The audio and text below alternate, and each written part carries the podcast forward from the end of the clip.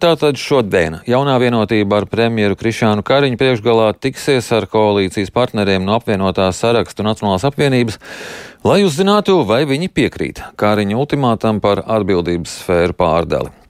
Interesanti, ka tieši pirms šīm sarunām apvienotais sarakstu Nacionāla apvienība aicina žurnālistus uz preses brīfingu pie ministru kabineta. Tātad pirms tikšanās ar premjeru abas partijas grasās nākt klajā ar kādu paziņojumu. Kā vērtējums šobrīd notiekošais ap valdību, ko premjerministrs varētu panākt ar savu ultimātu? Par to šajā brīdī runāsim ar Rīgas Stradiņu Universitātes politikas zinātnes katedras profesori Ilgu Kreitusi. Labrīt! Labrīt! Ja apvienotais saraksts un Nacionāla apvienība būtu sajūsmā par premjeru ultimat, ultimatīvo piedāvājumu, nezinu, vai šīs partijas rīkotu preses brīfingu pirms tikšanās ar Kariņu. Jūs ieskatā, kas notiek?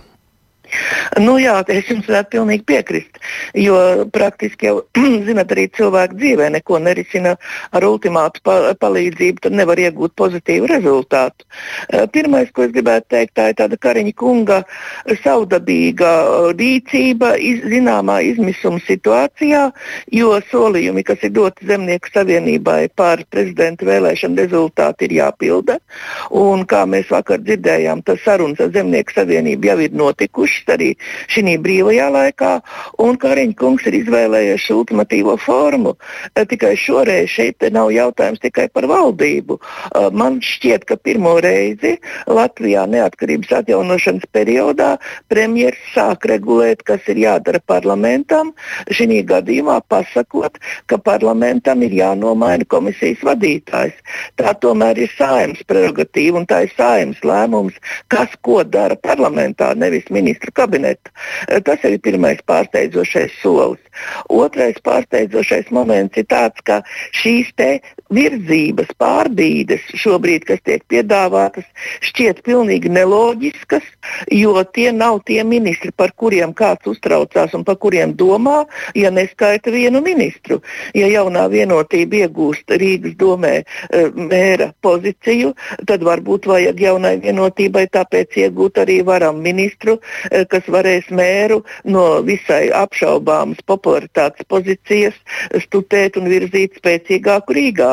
Tas ir vienīgais, ko es redzu, kāpēc vajadzētu tā rīkoties.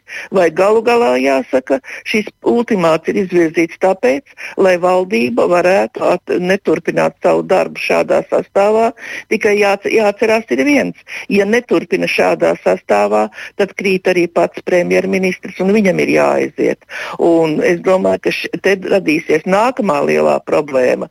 Ja Kariņš kungs atkāpjas, kā rīkosies prezidents, lai viņš vēlreiz nosauks sauks mini, eh, pa premjeru cilvēku, kurš ir izraisījis šo krīzes situāciju mākslīgā veidā tieši šī aktīvajā periodā, kad mums arī pati daba liek domāt aktīvāk un domāt citās kategorijās, nekā mēs esam pieraduši līdz šim. Tad eh, šīs eh, neloģiskās pārbīdes, šis ultimāts, jūsuprāt, ir uzstādīts speciāli, lai izjauktu koalīciju?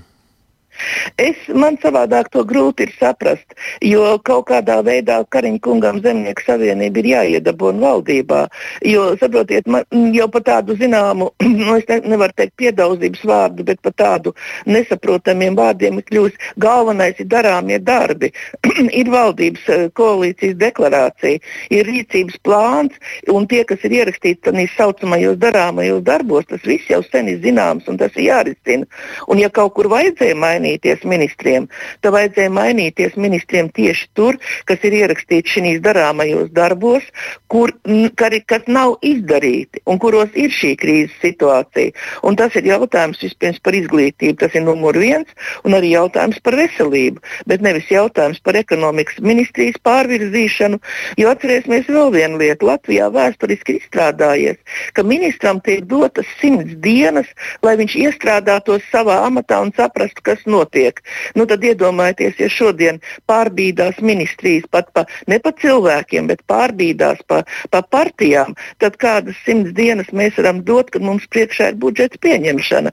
Tāpēc ir šī neloģiskā situācija, ko vienīgais skaidrojums, ka Kariņa kungs grib saglabāt, kā saka, aktīvā darboņa seju, kas viņam visu laiku ir izdevusies uz citu, citu politisko partiju fona, vienmēr noliedzot ministrus un ļau, apvainojot ministrus viņa darbībā, nekad neuzņemoties atbildību pašam par to, ka viņš šādu valdību ir izveidojis un šādu valdību vada.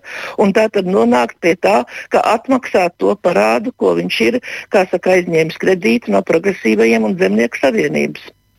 Bet kāds būtu tālākais mērķis? Novilkt tā, tā gumiju līdz brīdim, kad varētu pārcelties uz mierīgāku vietu Briselē? Nu, Kariņa kungam man šķiet jau sen ir apnicis tas, kas te notiek Latvijā, jo tās, kā viņš rīkojās, ir apmēram nu, pēc, kaut, pēc manis kaut vai grēka plūdu. Man, piemēram, tāda, tāda sajūta ir radusies. Un arvien, arvien intensīvāk izskatās, ka Kariņa kungs daudz labāk jūtās Briseles gaitiņos, kur viņam visi ir pazīstami un kur neviens neuzbāžās ar izglītības jautājumiem un skolu, skolu slēgšanu vai neslēgšanu, kur mēs līdz šim brīdim nezinām, cik skolas un kuras tiks slēgtas. Ja? Un es domāju, domāju, ka tas patiešām ir mērķis eh, tikt no visa šī vaļā un, un pārcelties uz mierīgāku dzīvi Briselē, kur, kur nebūs visas šīs problēmas jārisina un kur neuzdos tādus asus jautājumus un sabiedrība nevērsīsies pret valdībā darāmo. Un te jau ir otra lieta, jo šobrīd veidojās saudabīga situācija mums Latvijā. Tie mēs skatāmies par ap, problēmu apzināšanu un iespējamiem risināšanas ceļiem, tad šķiet, ka šo iniciatīvu pārņems valsts prezidents, nevis premjeras, un valsts prezidents vairāk iedziļinās praktiskajās lietās nekā to šodien dara valdības vadītājs. Jā, liels paldies jums par šo sarunu. Mēs sazinājāmies ar Rīgas Stradiņu Universitātes politikas zinātnes katedras profesori Ilgu Kreitusi. Un tātad šodien paredzētas jaunās vienotības tikšanās gan ar apvienotā sāraksta, gan Nacionālās apvienības pārstāvjiem. Pirmā tikšanās jau pēc nepilnām divām stundām. Kā var noprast, šo sarunu laikā ministru prezidents Krišjāns Kariņš sagaida atbildi, vai partijas piekritīs viņa piedāvātajai ministru amata rotācijai un piedāvātajam memorandam ar nospraustajām prioritātēm. Savukārt koalīcijas partijas uh, uh, to visu uztver kā ultimātu un cer sagaidīt kādus paskaidrojumus un argumentus. Kādi ir šie argumenti? Par to mums šajā brīdī ir iespēja izvaicāt premjeru Krišjānu Kariņu. Labrīt, Kariņkungs! Labrīt jums! Kāpēc tieši šo divu ministriju nomaiņu jūs piedāvājat? Jo, piemēram, no uzņēmēju un uzņēmēju organizāciju puses ir, ir skan neizpratne par ekonomikas ministres nomaiņu, un arī līdzīgi ar pašvaldību lietu ministriju, par ko pārsteigums pašvaldību savienībai. Nu, e, tad, e, no mana viedokļa raugoties, ko es mēģinu pārlaust, ir to situāciju, kas ir ilgstoši faktiski kopš šīs valdības izveidošanas Eh, ka partneri eh, netik ļoti varētu teikt, sadarbojās, kā visi sacenšas viens ar otru un, un mēģina visu laiku bremzēt, nu, bremzēt lēmumu pieņemšanu. Es cenšos, un es esmu centies visu vasaru iesaistīt iekšā potenciāli arī citas politiskos spēkus, lai būtu lielāks balsu skaits saimā, lai nebūtu nevienam šī, kā saka, veto tiesība vienkārši bloķēt uh, jautājumus, uh, lai būtu lielāks atbalsts arī faktiski tās būs smagas uh, reformas, gan veselības pakalpojumu, uh, gan skolu. Nu, tas ir uh, tīkls, lai tiktu pie kvalitātes. Uh, tur mums ir vajadzīgs plašs atbalsts uh, sabiedrībā, uh, politikā. Eh, nu, var izdarīt ar mazāku balsu skaitu, bet uh, prātīgāk būtu iesaistīt plašāk. Nu, varētu teikt, lai tie politiķi, kas domā līdzīgi, vienkārši beidzot strādātu kopā. Jā, nu, eh, jums iz, izgāzā, ir... izgāzās jūsu iecer par paplašināto koalīciju, bet Jā. kur slēpjas tā būtība ministriju ministru nomaiņā? Kurā brīdī parādīsies dinamika, ja simts dienas vēl iešūpoties vajadzēs? Redz, ja man esošie partneri bloķē Eh, iecer paplašināties, tad man ir jautājums, ko es varu darīt ar esošajiem, lai kaut kā saprinātu uh, to, uh, nu, to kombināciju. Un tas galvenais ir, es gribu parakstīt vienu ļoti īsa memoranda. Mums ir ļoti plašs, mums ir tur beigās vienīgais, par ko varēja vienoties, veidojot valdību, tur kaut kur, es nezinu, uz, uz, uz cik rentām lapām, gandrīz 400 punktu. Valdības dekorācija ļoti izpildus, koncentrēt uz šīm piecām lietām, viena no kurām ir uh, principi, pēc kā ir jā, jāveido nākamā gada budžets, kas mums tūlīt arī tagad ir jāsāk. Uh, un tas ir galvenais. Bet uh mhm. -huh. otrs ir uh, Eh, nenoliedzami, eh, ja kaut kādā veidā mainās valdības sastāvs, eh, tad arī tie ministri, kuri nav nomainījušies, viņi arī paši sapurinās, atcerēdamies, ka kaut kāda konkurence ir. Jo viņi, viņi jau strādā, man partneris strādā ar to principu, ka nav jau nekādas konkurences, nav jau nekādas izvēles. Jā, tāpat vien jāstrādā. Jā, bet tad gribētu saprast, ja tās mērķis ir sapurināt partnerus, kāpēc jūs vēlaties mainīt ekonomikas ministru? Kas notiek ar ekonomikas transformāciju? Tā ir jau noslēgusies, paveikta, vai tā vēl no, nav sākusies un nāksies no nākamā gada? Varētu teikt, ka, eh, nu, nu, ja, ja sāk kritizēt darbus, un es neesmu gribējis iet to ceļu, kritizēt nevienu individuālo ministru, un es aizvien šorīt atturēšos to darīt. Bet eh, no tā, kur varbūt mēs varētu dabūt jaunu dinamismu, piemēram, apvienotais saraksts arī uh, Eh, viņi, viņi jau ļoti gribēja šo amatu sākumā. Viņi tā vietā dabūja varam ministriju, ko viņi arī faktiski ļoti gribēja. Bet viņiem ir eh, nu, viņa vadītājs uh, Ulrichs Pīlāns, kurš nu, ir lai nu kas, bet cilvēks, kas ir bijis ļoti veiksmīgs uzņēmēji darbībā, veiksmīgs eksportējošs uzņēmums.